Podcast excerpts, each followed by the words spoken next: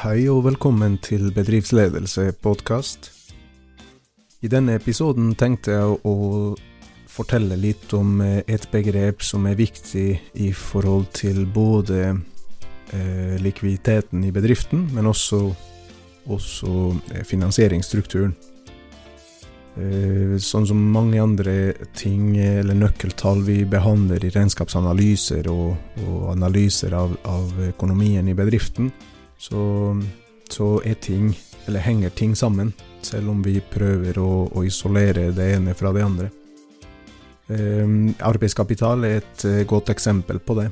Eh, men først, før vi, vi, sier litt mer om hvordan vi kan eh, tolke arbeidskapital, eller hvilken nyttig informasjon det gir deg som leder, så må vi først uh, forstå hva arbeidskapital er for noen ting. Arbeidskapital er kort og godt differansen mellom omløpsmidler og kortsiktig gjeld i balansen. Omløpsmidler, det er eh, de midlene bedriften har som eh, eh, i omløp, det er derfor det heter omløpsmidler, som fort kan eh, gjøres om til likvide midler, altså penger, for å betale regninger og, og andre betalingsforpliktelser. De tre viktigste Omløpsmidler, det er varelager, kontanter og kundefordringer. Eh, varelageret er kanskje det minst likvide, i den forstand at det tar litt tid før du kan selge varelageret og, og gjøre det om til penger. Mens kundefordringene, som er fakturaene som allerede er sendt ut til kundene, de, dem står og venter på å bli betalt inn, og dermed er de litt mer likvide kontanter og bankinnskudd, det sier seg sjøl at de, er, de, er, veldig likvide, og, og, de kan vi bruke med en gang for å betale eh, regninger. Den kortsiktige gjelda på, på høyre sida i balansen, som er en del av finansieringen av eiendelene, den kortsiktige gjelda består eh, ofte av leverandørgjeld, materialer eller varer vi har bestilt fra leverandørene, og som enda er i kredittida, og derfor ikke betalt. Eh, men den forfaller fort. Kortsiktig gjeld er gjeld som eh, forfaller innen et år. Og, og da eh, er det viktig at vi, at vi, passer på å ha penger tilgjengelig, likvide midler, sånn at vi kan betjene den kortsiktige gjelda.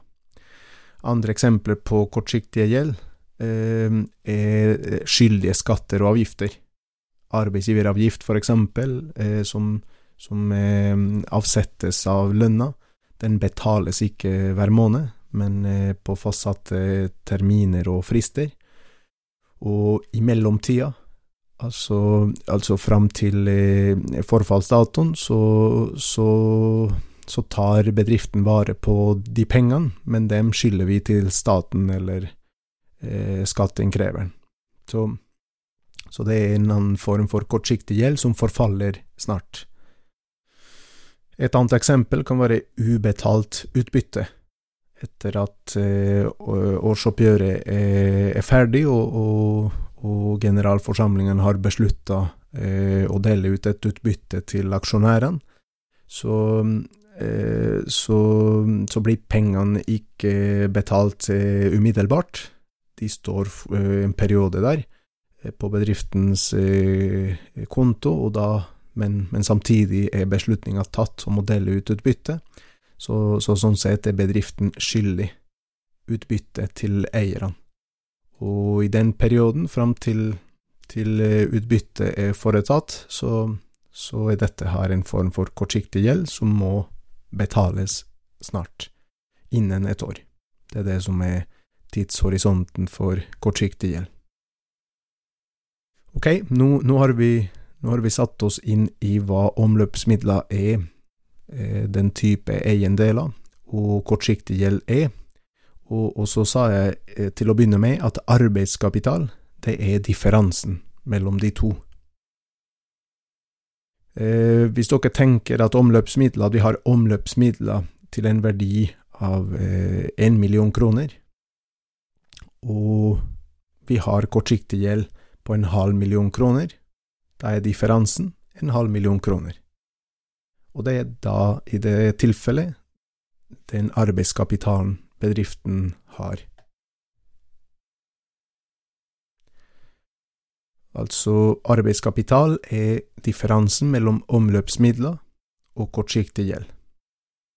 En annen måte å, å tenke på det på at eh, etter at Altså hvis vi hadde brukt omløpsmidlene til å betale ned all kortsiktig gjeld, det vi sitter igjen med, det er arbeidskapitalen. Eh, jeg sa innledningsvis at arbeidskapitalen har også noe med finansieringsstrukturen å gjøre, og vi kan eh, også se på den sida av arbeidskapitalen på den måten at, at siden arbeidskapitalen er differansen mellom omløpsmidler og kortsiktig gjeld, hvis vi da har arbeidskapital, så, så betyr det at eh, den delen av omløpsmidlene er finansiert med langsiktig kapital.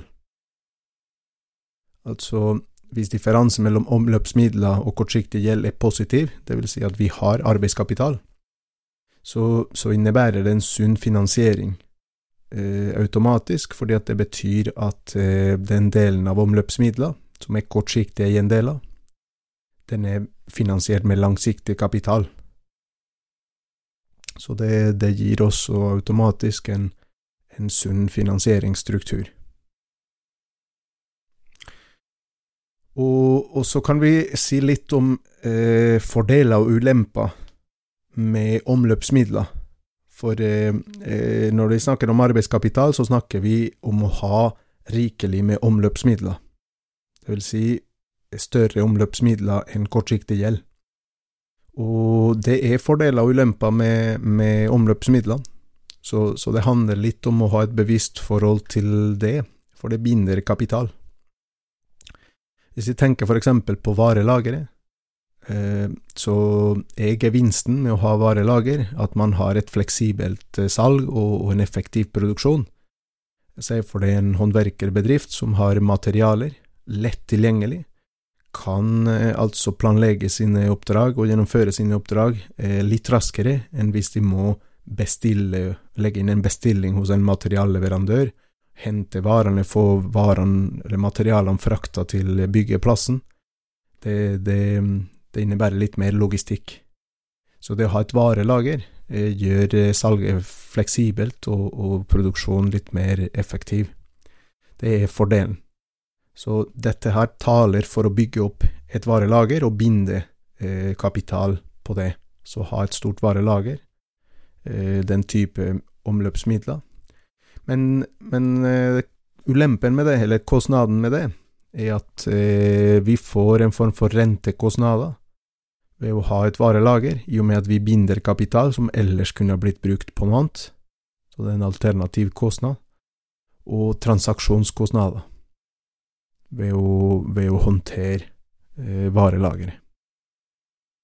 Så det er ulempen med det. Eh, det handler altså om å finne riktig balanse for akkurat den bedriften du leder, eller eh, ja, og, og, hva som passer for akkurat den, den, bedriften og i den bransjen. Kontanter er et annet eksempel på omløpsmidler.